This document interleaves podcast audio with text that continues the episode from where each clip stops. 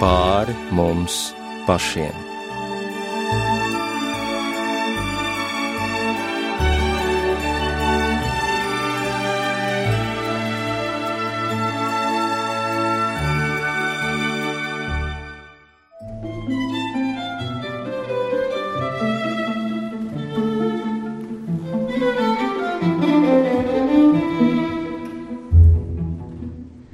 Esiet sveicināti raidījumā pāri mums pašiem, lai ir slavēts Jēzus Kristus. Studijā Inte Zēgnere un šo turpmāko stundu aicinu veltīt Parīzes Dievmātes katedrālei, tās vēsturei un atzimšanai. Visai pasaulē tas bija milzīgs šoks 15. aprīlī ieraugot šo Eiropas garīgo pērli liesmās un redzot, kā sagrūstās tornis, un tas vēl notika klusajā nedēļā, daudzi toreiz izteica savas versijas par šo notikumu, tā skaitā saskatot to kā brīdinājumu sekulārajai Eiropai atgriezties pie savām saknēm un pie savas identitātes. Mēs redzējām, cik daudzi cilvēki bija pulcējušies katedrāls tuvumā, viņi gan raudāja, gan dedzīgi lūdza, ugunsdzēsēji un glābēji darīja savu darbu, bet kāds būs dievnam Ādama liktenis, tobrīd vēl nevienam īsti nebija skaidrs, kamēr netika apdzēstas liesmas. Un nākošajā rītā viens no iespaidīgākajiem skatiem, ko bija iespējams fiksēt arī Daily Mail reportierim Robertam Hardmanam, bija uguns neskartais altāris un krusts, kas nesatricināmi pacēlās šajā postažā starp dūmiem un pelniem, un šķiet tas runāja skaļāk par vārdiem. Tūlīt pēc tam sākās arī Jau pirmās domas par katedrāles atjaunošanu sāk atsaukties arī Francijas un ārvalstu uzņēmēji, kompānijas, pašvaldības un daudzi cilvēki visā pasaulē, kas vēlējās ziedot līdzekļus katedrāles atzimšanai. Atcaucās arī Latvija, piedāvājot restaurātoru palīdzību. Pasaule sadevās rokās, lai dievnams atzimtu, un arī tas ir simboliski.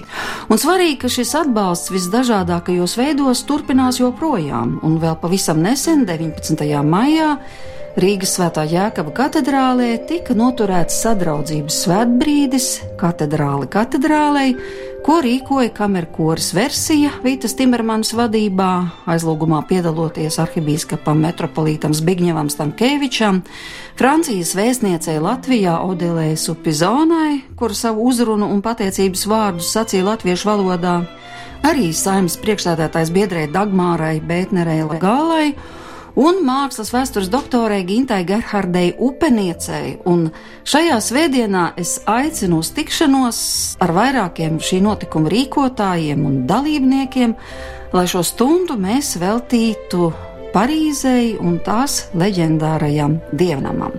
Un šovakar mūsu viesi ir Vita Timermana Mora, Nacionālā mākslas muzeja Latvijas vizuālās mākslas departamenta vadītāja, mākslas zinātņu doktora Ginta Gerharda Upeniece, bīskaps Andris Kravalis un Rīgas svētā Jēkaba katedrāls ērģelnieks Ingus Kokins.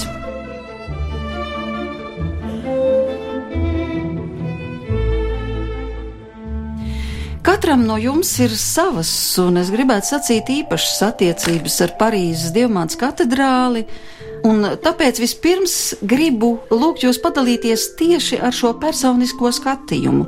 Un es gribētu sākt šo sarunu ar Vitu. Vita, tu esi dzīvojusi Parīzē vairākus gadus, un acīm redzot, nevienreiz vien es bijusi arī šajā dievnamā. Kas tev ir šis dievnams? Jo arī tu biji šī iniciatore katedrāle katedrālei rīkošanā. Jā, no ar Franciju man saista ļoti, ļoti senas saites.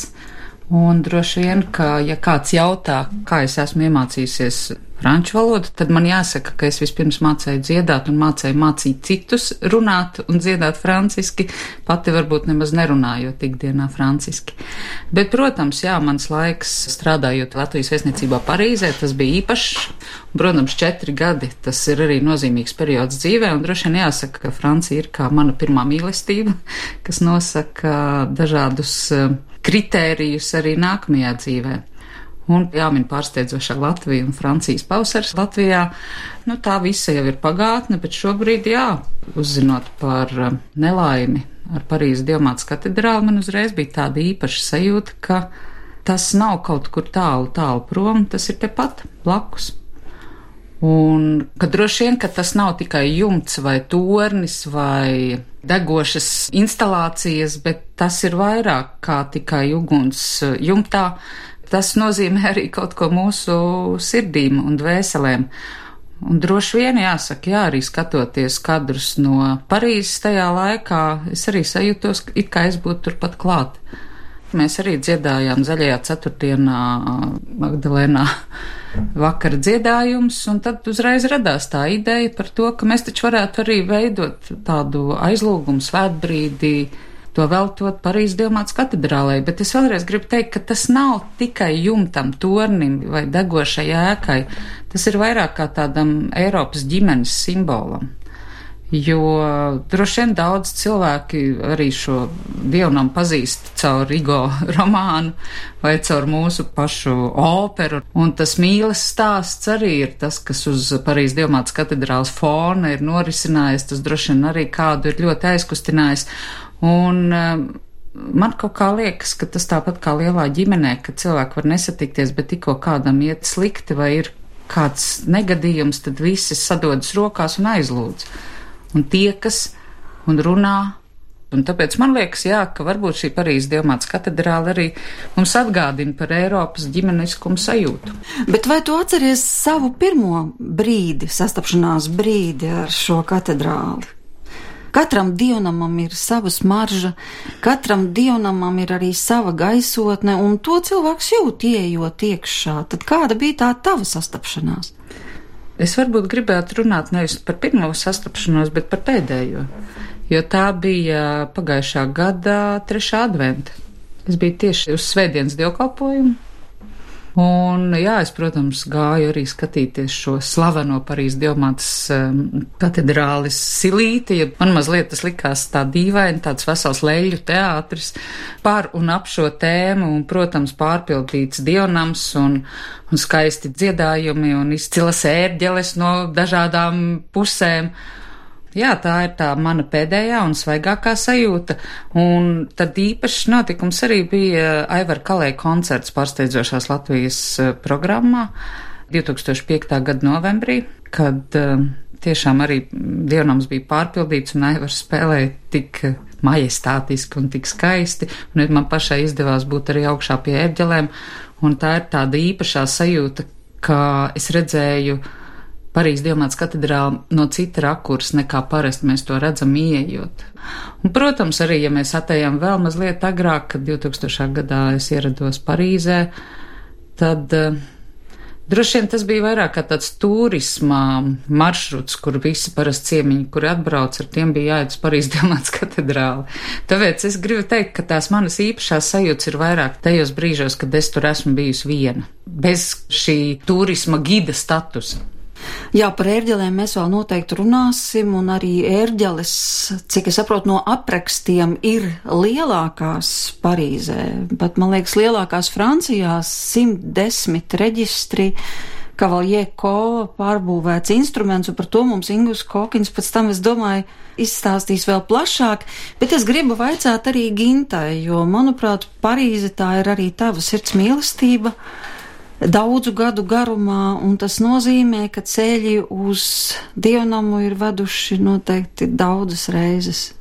Jā, man atkal ir uh, nedaudz savādāka situācija, jo Parīzē esmu iebraukusi un aizbraukusi ļoti daudzas reizes, bet vienalga, protams, uh, tas ir saistīts ar kādu varbūt sajūtu. Ja tu esi Rīgā vai kādā citā vietā, un tev ir kāda lieta, kas ir kārtojama Parīzē, tad uh, faktiski tā Parīzes sajūta atnāk caur Parīzes Dievmāts katedrālu.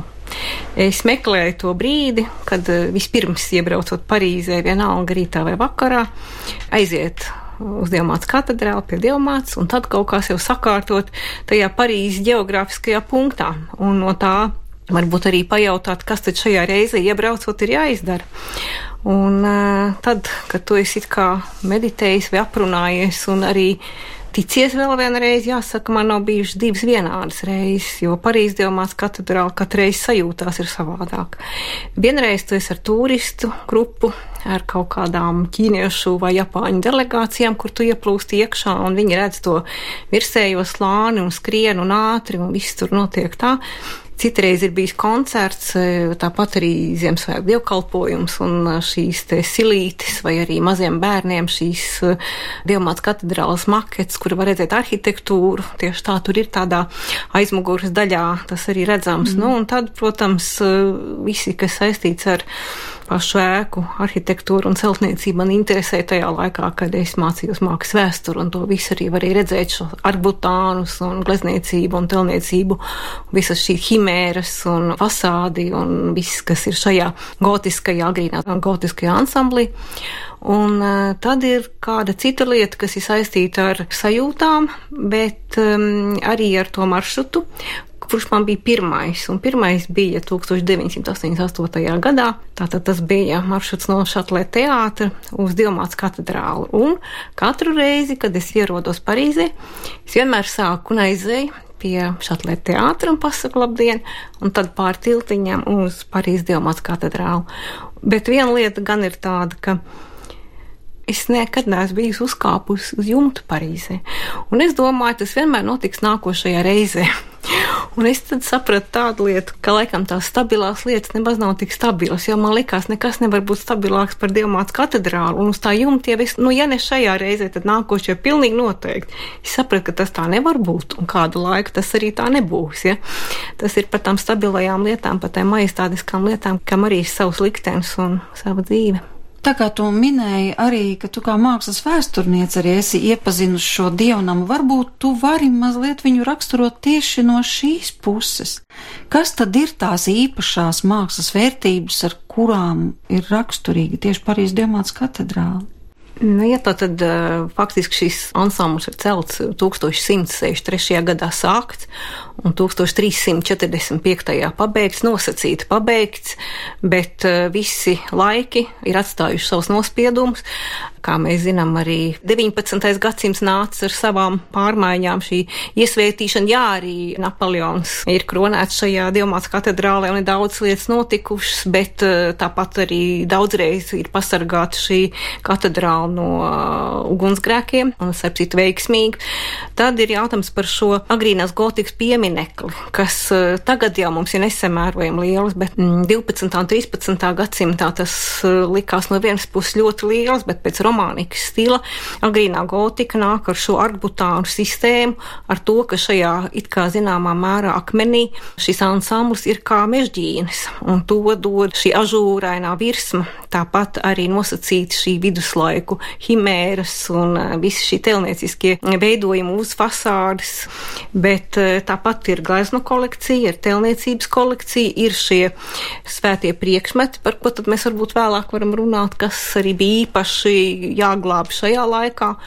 Un, protams, jā, tad, katrs mākslas darbs. Holandiešu 17. gadsimta mākslinieki arī nezinām ir veidojuši un gleznojuši interjerus. Nu, ja mēs runājam par autoriem vai par māksliniekiem, tie franči 17. un 18. gadsimts gleznotāji, Tātad šī mākslas kolekcija, kura uguns šīs nelaimes laikā līdzās glābšanai un ugunsdzēsējiem, ko mēs redzējām, tas varbūt ir jautājums par franču šī mākslas mantojuma glabāšanas misiju, kad faktiski tādā dziļā varētu teikt, pat slepenībā, nezinot mēdījiem, tika glābta šī mākslas kolekcija, eh, pārvietot uz Luvru un uz Oteļdivīļu, tātad uz Mēriju, un eh, mēs varam teikt arī, ka šī daļa eh, tika izglābta. Vita runāja par šo nākamo dienu. Mēs sazinājāmies ar kolēģiem Parīzē, ar tiem pašiem kolēģiem, kas kādreiz strādāja pie izstādēm. E, viņi tika izsaukti tāpat savos posteņos kā mākslas vēstures un mākslas mantojuma pētnieki, un e, mēs aizrakstījām viņiem līdzjūtības, un viņi atrakstīja, mēs dodamies iekšā. Un tas ir šausmīgi. Tas bija no rīta. Mēs dosimies iekšā. Tas nozīmē, ka šie kultūras mantojuma cilvēki visi dodas iekšā kā eksperti jau uh, ugunsgrēku laikā, bet to, protams, neziņoja medijos. Un tas arī bija varoņdarbs uh, paralēli dzēšanai. Tur tiešām tie mākslas, visi tie vēsturnieki pa divatā katru darbu apsargājot, klasificējuši un nesuši uz to mērī, ja, un tad mm -hmm. viņi visi ir iesaistīti un kā pavadītāji. Un... Bet īstenībā, nu, es dzīvoju Francijā tiešām četrus gadus redzu, nesaru teikt, ja nu ir kāda profesija, kas Francijā Tik ir cienīta. ļoti augsts status, tad tie ir tie pompie, jeb glābēji. Viņa absolūti, tieši jūs labi pareizi pateicat, viņa absolūti nav ugunsdzēsēji. Pompie var tikt pasaukt, ka tur Jā, pludo, ka tur ir nelaime, ka tur mašīna iestrēgus. Viņus sauks vienmēr, viņa ir tāda kā palīga, ja? bet tur tāda viena meitenīte, kura ir dzēsusi, kura bija klāt, ka tas tornis nogāzās praktiski viņai tur varēja virsū, ka viņa saka, mēs to visu labi zinājām, kur kas atrodas, jo mēs bijām jau gājuši, trenējušies mm. tajā vietā. Ja? Un tas bija ļoti interesanti. Es domāju, ka zini, nu, ka viss deg, ko tu tur vari redzēt, kur tu vari aiziet, bet visu viņi ir kontrolējuši ar droniem, viņi ir uh, to ūdeni gājuši, lai neietu mm. tālāk. Un, un, un, kā jūs sacījāt, tiešām pa to laiku, kamēr dzēs, publiski tas nebija zināms, viņi gāja iekšā. Katram darbam gājuši divi cilvēki, Jā. uzreiz atzīmējuši, nesuši uz turieni, gājuši atpakaļ Jā, jā, un jā. pavadījuši. Jā, tā. tur tas Bet tas ir jā. tad, kad ir jau nodzēstas liesmas. Nē, nē, Nē, nē, liesmu laikā. liesmu Tā tā laikā. tehnika, tā paralēli. glābšanas liesmu- tehnika. Nē, nē, nē, nu, tas viss notika paralēli. nu, Tā ir tā vērtība, ko arī tu minēji, ka ir tāda iekšējā kultūra ikvienam no tiem dzēsiem, ka viņš vienkārši viņu uzdevums ir nesabojāt, ne tikai izglābt, bet arī nesagraut ar to, ar to darbību. Un man liekas, ka tā ir tā ļoti dziļā kultūra un tā pilsoniskā attieksme. Ja? Un tā kā mēs to simbolismu taisījām, pirms tam bija plūdi. Gadu Jā, jā, iepriekš, jā. un mēs braucām, un tad mēs satikām to Mariju Kristīnu Laburdet, kas ir tieši no ministrijas, jā, un ka viņi saka, mēs mobilizējām visus muzeju un vispār mantojumu darbiniekus. Viņi visi ir kā armijā. Jā, kā pompjē kā, viņi ja arī kā kalpošanā, Jā. jo viņiem tas saucās, tas, tas grāds, kas saucās ševļa patrimonu, viņi iedod kā grādu, ka tu glabā kultūras mantojumu, un tev ir jāmāk viņu glabāt visās vietās. Tas nav tikai darbs, kurā tu tur saņem algu. Un tad viņi ir iesaukti tā kā, nu, Viņi visi tiek izsaukti, tāpat kā ugunsdzēsēji, ar viņiem jābūt klāt, un viņi bija tie, kas to nodrošināja.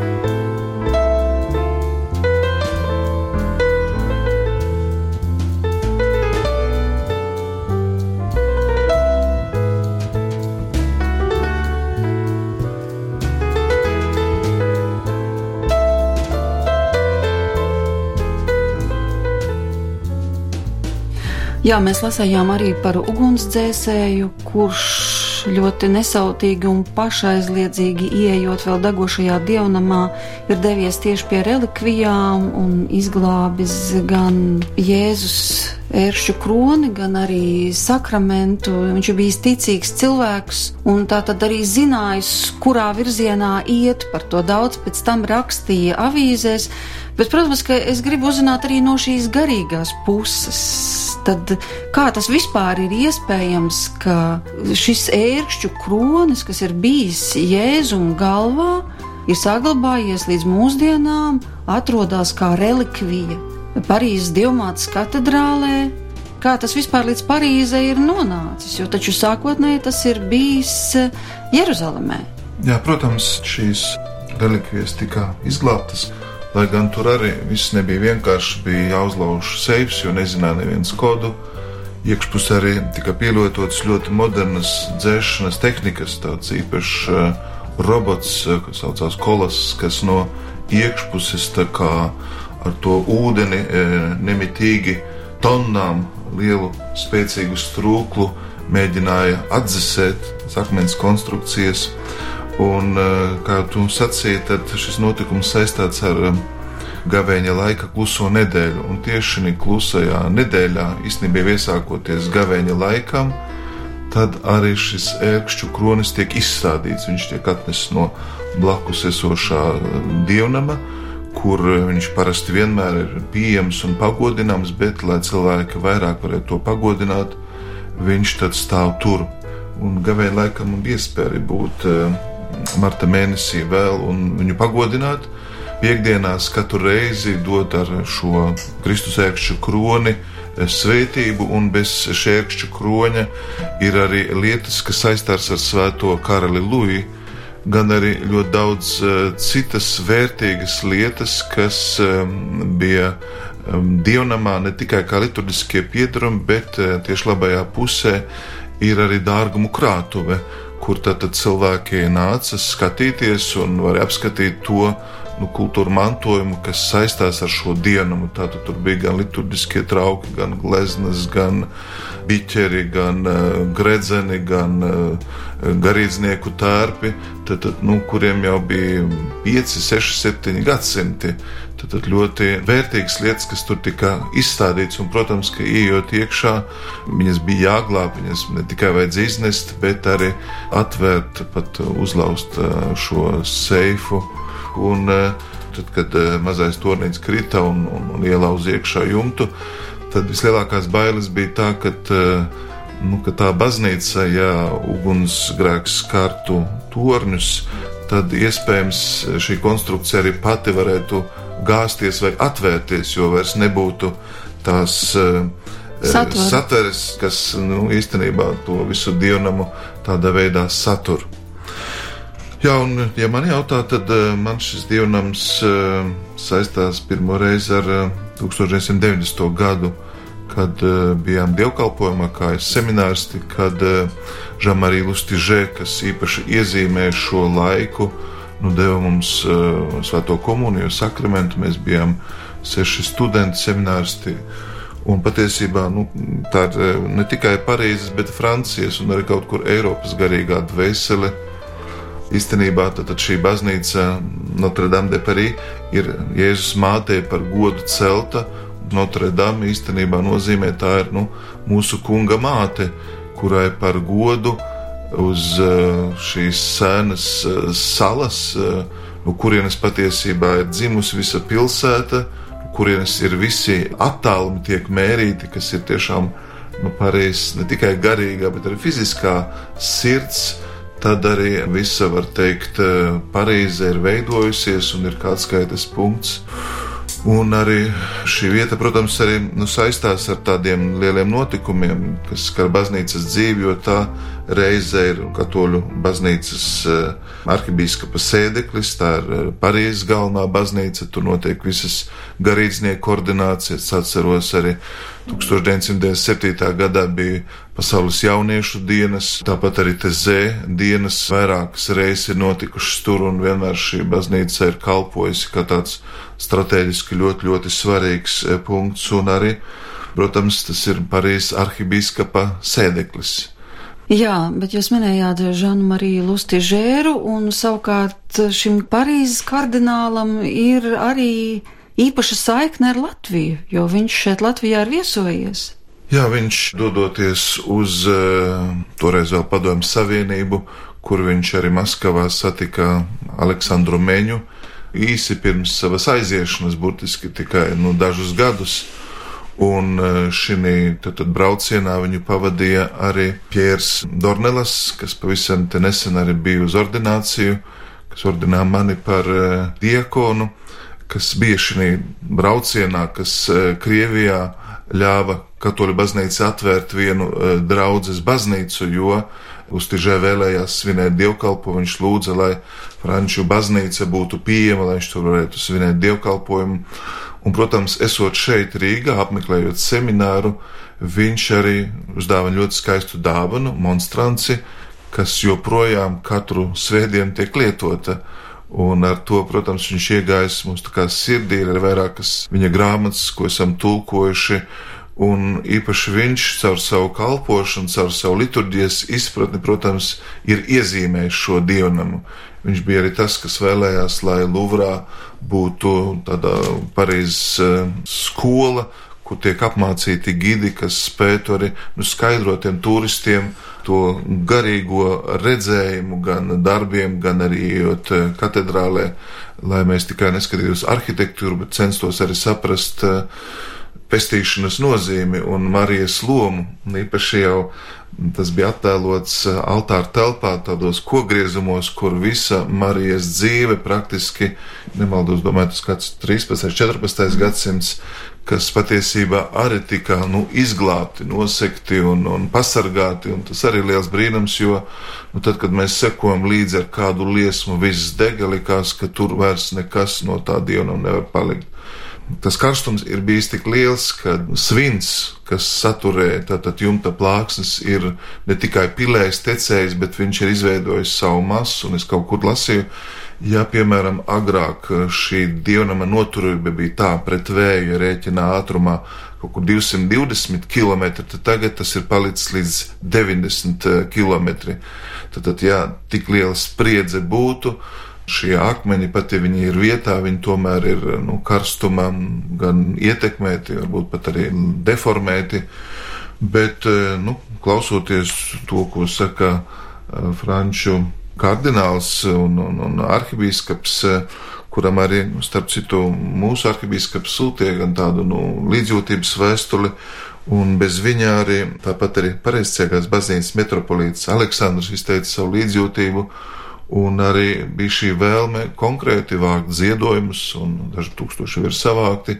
Mēs vēlējāmies arī tiešām, kā jau tas tika labi pateikts, nu, sadoties rokās ne tikai vaimanāt un ne tikai iet tādā bezcerības, izmisuma tādā attieksmē, bet kaut ko konkrētu, jo baznīca jau turpina dzīvot, tā ir tikai ēka un skaisti tas, ka tās vērtības, ko varēja glābt, tika izglābtas, sakraments tika izglābts un garīdznieki jau nākošajās dienās būtiski pulcējās blakus baznīcā Sansūpīs lielā ceturtdienā, kur bija dievkalpojumi, un uh, man ir daži draugi, kas uh, kalpo turpat, kas arī vadīja lūkšanas tajā laikā, kad uh, šis ugunsgrēks notika, un īpaši jau franču tauta izceļ nu, to 400 ugunsdzēsēju darbu, jo tiešām izdarīja neiespējamo.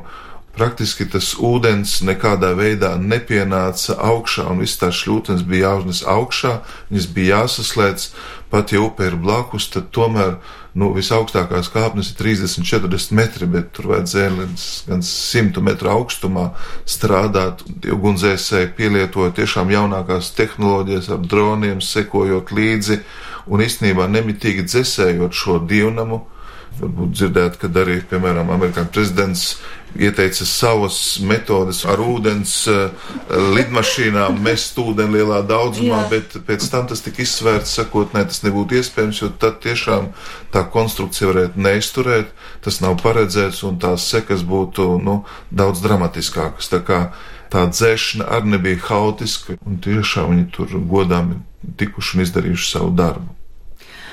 Un kaut arī šobrīd dievnamā ieiet nav iespējams, es tomēr aicinu jūs to šajā raidījumā izdarīt ar kāda ieraksta palīdzību, kas ir veikts 1969.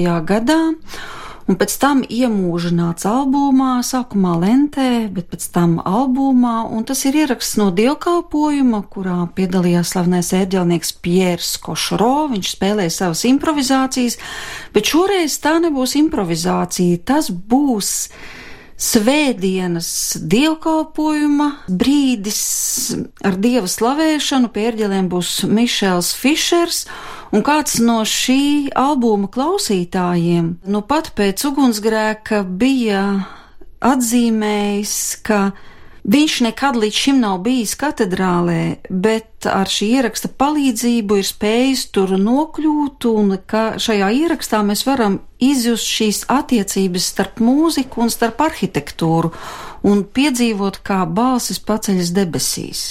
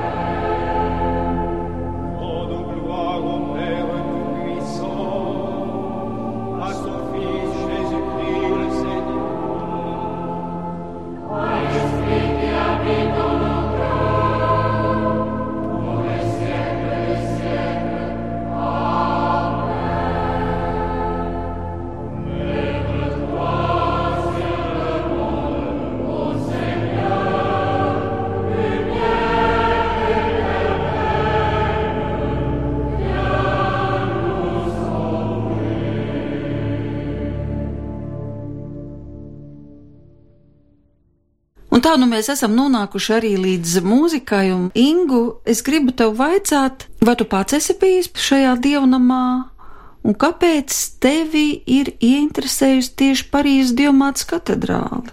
Jā, tieši vienu reizi pirms gadiem deviņiem, un um, šajā vienīgajā braucienā tas bija tikai sākums tādai manai, nu jā, pirmajai mīlestībai pret Parīzi kā pilsētu, un, protams, pret šo brīnišķīgo dievnamu tiesā ērģeles sanāca dzirdēt pārdesmit minūtes vien kā kāds man nezināms ērģelnieks, kāds mākslinieks trenējās. Izdevās daudzus reģistrus dzirdēt, vai? Kā? Nē, diemžēl tas bija viss bija pieklusināts, bet man pilnīgi un galīgi pietika ar to, kas tur bija. Tas eh, minimums, ko tev vajag tik maz nonākot patiesībā tur, ka tu esi tā iekšējā sajūta un tas pārdzīvojums ir jau tik nokaitēts, ka patiesībā laimē vajag tik maz. Bet ar citu klausoties, kā pēc dievkalpojumu tu spēlēji ērģels un kā tu improvizēji tepat Rīgas svētā Jēkaba katedrālē, man neskapēc daudzkārt ir nācies saklausīt šo ietekmi no Parīzes dievmātes katedrālas un no tā franču spēles stila.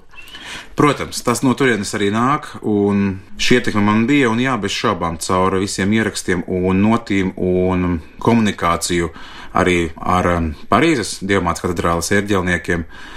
Es esmu ņēmis uh, ļoti daudz piemēru, un Parīzes dievmātes uh, ēdļu skanējums, tehnika, stils To es arī esmu mēģinājis maksimāli uzsūkt, un arī šeit, eh, Svētā Jēkabā katedrālē Rīgā, parādīt maksimāli. Vai tu varētu mazliet īsi raksturot, nu kādas tad ir šīs katedrālas ērģeles, kuras ir saglabājušās? Visenākie šī konkrētā dievnama instrumentu pirmsākumi ir meklējami praktiski ar pirmajiem gadsimtiem kopš eh, celtniecības. No tiem palicis pāri noteikti vairs nav apzināti nekas, bet vēlākie renesanses laiks, un pēc tam, protams, baroka periods, kad šīs mantojums jau ir būvēts, pārbūvēts, papildināts līdz beigās, saglabājot to maksimāli, kas ir bijis iespējams no šiem agrinākajiem priekštečiem. Viņš tagad ir saņēmis savu galējo formātu. Tātad Kavajē Kols, kas uh, bija pēdējais meistars, kas šim instrumentam piedeva tieši tādu skanējumu, kā tas skanēja. Diemžēl šobrīd jāsaka, bet noteikti skanēs arī pēc laika. Un līdz pat pēdējiem dievkalpojumam skanēja gan viens, gan kas ļoti zīmīgi abi instrumenti, jo Dievmāts katedrālē ir vairāki instrumenti, no tiem populārākie un svarīgākie ir tieši šis lielais instruments, jeb lielās ērģeles un kora, jeb vienkārši mazās ērģeles, kas atrodas tieši altāra daļā, un šī saspēle ir tieši tajā unikāla, ka ir gan spēle no viena instrumenta, gan otra. Un tādā veidā šī miedarbība arī dievkalpojumos, svētdienu un lielos dievkalpojumos notika. Par instrumentu kā tādu visi, nu, vismaz Parīzes lielāko mm, dievnamu instrumenti, protams, ir lieli, krāšņi, masīvi un bagāti. Tas ir franču stils, tas ir viņējais. Um, romantisks instruments. Romantisks instruments, protams, tās iespējas ir tik milzīgas, šie 110, 111 reģistri. Viņi dod tik lielas, uh, bagātīgas uh, reģistrācijas. Varens instruments, šis noteikti ir Kavaja Kola ērģļu meistarības šedevrs. Un tur jau atkal ir arī vēsturiskas personības, jo, kad mēs runājam par Parīzes dievmāts katedrāli, tad mēs uzreiz atceramies ļoti slavenus vārdus, jo tā ir viņu vēsture. Gan Kamils Sensāns, gan arī Cezārs Franks, gan Luīs Vierns kurš tur ir spēlējis šo instrumentu, gan vēl daudzas slavenības, bet tu minēji tādu faktu, ka tu saraksties ar ērģelniekiem tieši no Parīzes Diemāts katedrāles. Jā, nu jau vairākus gadus atpakaļ es gribēju arī praktiski pieiet un uzrunāt, vai ir tāda iespēja dabūt uh, notis Nots. un kā viņus mm. to skatās, cik tas maksātu vai kā. Un tad sākās šī te uh, sārakste. Tā ir taisnība, jā, un tad viņi man pateica dažādas saites un atsūtīja arī konkrētus failus kurus tad es arī nekavējoties steidzu printēt ārā, labot, un tā tapa šie pirmie eh, pārveidoties skaņdarbi, kas atnāca pateicoties šai sarakstei, un es cenšos regulāri ieturēt eh, šo komunikāciju, un tajā pašā laikā arī savu darbu, un pārliekot un strādājot pie tā, lai viņu notis ieskanās viņu melodijas ar mūsu vārdiem šeit, Rīgā. Vai tas nozīmē, ka viņu notis ieskanējās arī koncertā šajā veltījumā katedrāle katedrālē? Un vai vispār franču jūsu draugi no Parīzes dievmātes zina, ka Rīgā tāds notikums bija nu pat? Zini, zini, mēs ar Rītu runājām, ka tikko šis negadījums, šī traģēdija notika, es zinādams, ka šāds pasākums noteikti ir jānorganizē un viņam ir jābūt. Es metos rakstīt Dievmātas katedrālas galvenajam ērģelniekam Olivier Latrī. Viņiem nāk šobrīd dotajā brīdī eh, ne tikai garīdzniecībai, bet arī muzikālajai vadībai, ērģelniekiem, taiskaitā vēstules ar tieši ar līdzjūtību, ar solidarizāciju par notikušo šajā katastrofā. Un viņi steidz atbildēt, viņš, kā viņš skaidroja, viens ērģelnieks nodarbojās ar atbildēšanu uz ēpastiem dažādām vēstulēm, cits nodarbojās ar spēlēšanu. spēlēšanu. Kāds no ērģelniekiem ir dezertējis uz tā vārdu vislabākajā nozīmē uz Ameriku. Arī pēdējais ērģelnieks, kurš spēlēja tieši Vesperes šajā lielās nedēļas pirmdienas vakarā notika šis eh, briesmīgais ugunsgrēks, un Olivija Latrī atbildēja to, ka, ka jā, paldies par vēstuli, un ka viņi zināja, viņš to darīs zināmu, cik tas būs viņa spēkos, un viņi šobrīd nodarbināti, protams, ar eh, viesu dievkalpojuma viesliturģijas organizēšanu dažādos citos Parīzes dievnamos, mazākos un lielākos. Es varbūt par to pašu programmu, jā, protams, tā ideja bija tāda, ka mēs liekam latviešu mūziku, mēs liekam arī franču mūziku, un, protams, arī, jā, arī bija mūzika, kas nāca no Notre Damas, un man jāsaka atklāti, ka, ja mēs saliekam kopā, tad ir tomēr zinām atšķirība pieejā teiksim, arī liturģiskajos dziedājumos, jo tie ir liturģiskie dziedājumi, ko mēs atskaņojam arī svētbrīdī, un arī es pieliku savu roku, mazliet pārveidojot tekstu no franču valodas uz latviešu valodu, un man jāsaka, ka tas nebija, pavisam nebija viegli. Bet eh, man liekas, ka tas rezultāts ir ļoti labs, un es tikai tagad, tāpēc, ka es īstenībā pirms šīs idejas nemaz nezināju, ka Ingus sarakstās ar šiem ērģelniekiem. Un es tikai tagad saprotu, ka mēs jau esam dziedājuši daudzreiz arī šo mūziku, šo latvisko to mūziku, bet es vienkārši nezināju, ka tas nāk no Parīzes Diemāts katedrāls. Bet man liekas, ka tieši tā dažādība bet tā sirds kopīgā izjušana un tas dzīvais vārds ir tas, kas mūs ļoti, ļoti vieno. Jo droši vien, jā, es arī tagad domāju, ka Svētā Jēkab katedrālē ir mazliet šī Parīzes Dievmātas katedrāles ērģeļu sajūta arī dievkalpojumos. Un es arī ļoti priecājos, ka mums ir iespēja, ka ir bijuši šāda iniciatīva un ka mēs varam dziedāt to mūziku, kas tiešām skan liturģijās, kas tiešām skan dievkalpojumos Parīzes Dievmātas katedrālē. Šī bija tā reize, kad mēs salikām, ka mēs dziedājam gan latviski, gan franciski, jo parasti jau tā nenotiek. Dzied tikai latviski vai tikai franciski. Bet man likās, ka tas tik interesanti, ka mēs parādām, kā mūzika mainās arī no tā, kāda ir valoda.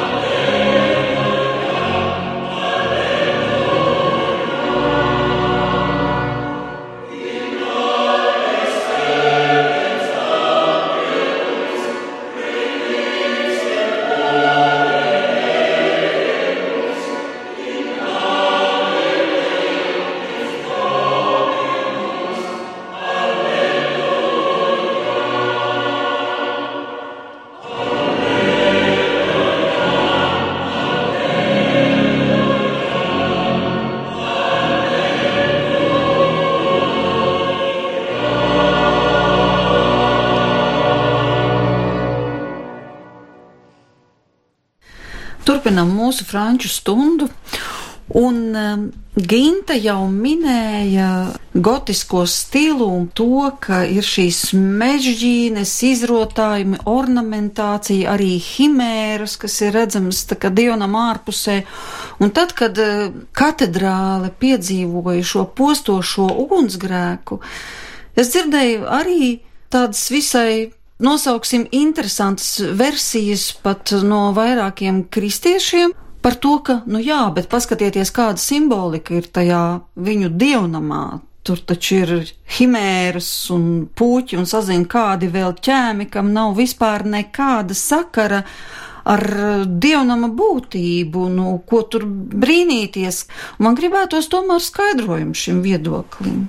Jā, es tikai varu teikt, nu, ka viņas tur stāv, bet tas ir ūdens notekas. Nu, viduslaikos tā bija iespēja māksliniekiem tiešām arī izpausties. Es domāju, ka vēl arī, protams, nu, nevajadzētu koncentrēties tikai uz šiem nezvēriem, jo, kad jūs stāvat Dievmātas katedrālas priekšā, jūs nu, redziet pestīšanas vēsturi. Jums jāsaprot, ka arhitektūrā, mākslā, arī tā laika nu, glezniecībā, ikonās cilvēks tiek ievests eh, attiecībās ar Dievu, ar pestīšanas plānu, un savā veidā tas kalpo kā tāda ilustrēta bībele, pestīšanas vēsts. Tieši tāpēc tur ir jēzus dzīves stāsti, tieši tāpēc šajās akmens eh, rozēs ir eh, nu, daudzas svēto dzīves ainas, un īpaši, kad jūs stāvat pretī fasādē priekšā, jūs redziet Kristu. Kristuma labajā pusē ir tie, kas tiek glābti, pestīti, kreisajā pusē, kas ir atteikušies no pestīšanas plāna, tad tur ir svētie, un tur ir ļoti liela loma ir ierādīta dievmātei. Un arī e, sānu ejās šos portālos ir iestrādātas jau vecās derības ainas. Svētie raksti tiek ilustrēti un attēloti šajos tēlos, un kā baznīca patiesībā nu, ir ietvērusi sevi e, šo pestīšanas vēsti, kas piepildās Jēzu Kristu.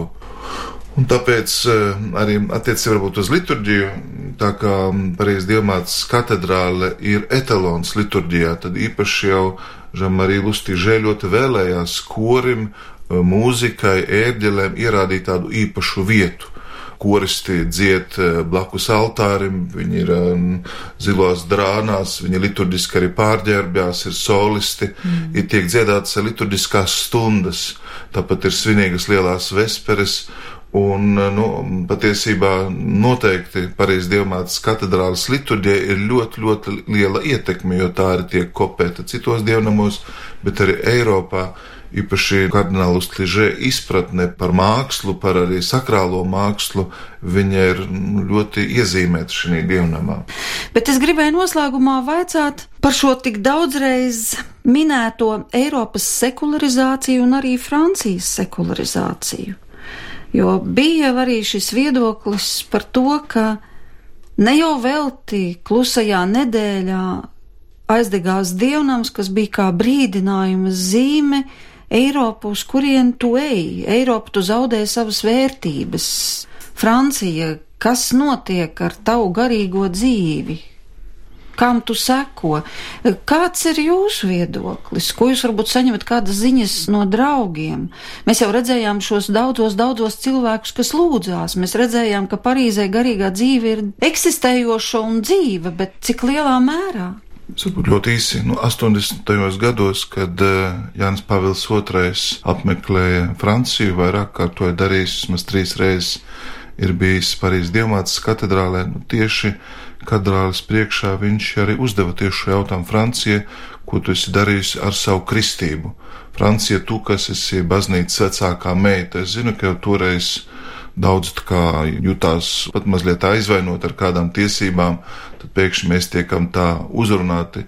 Nu, Francija ir 1600 kristietības gadi, Francijas kultūra tauta ir veidojusies caur kristietību, protams, tā ir tendence Eiropā, un par velti pāvests Francisks saka, nu, ir uh, Eiropai jāatmostās, viņam mazliet ir kā vecmama, kas ir pagurusi garīgi, kura nes sevī šo mantojumu, bet varbūt nevienmēr spēj to nodot nu, jaunajām paudzēm. To viņš Strasbūrā sacīja, un arī tas ļoti daudz uzrunāja, kā tad Eiropa pēkšņi var tā par pagurušu vecmamu nosaukt.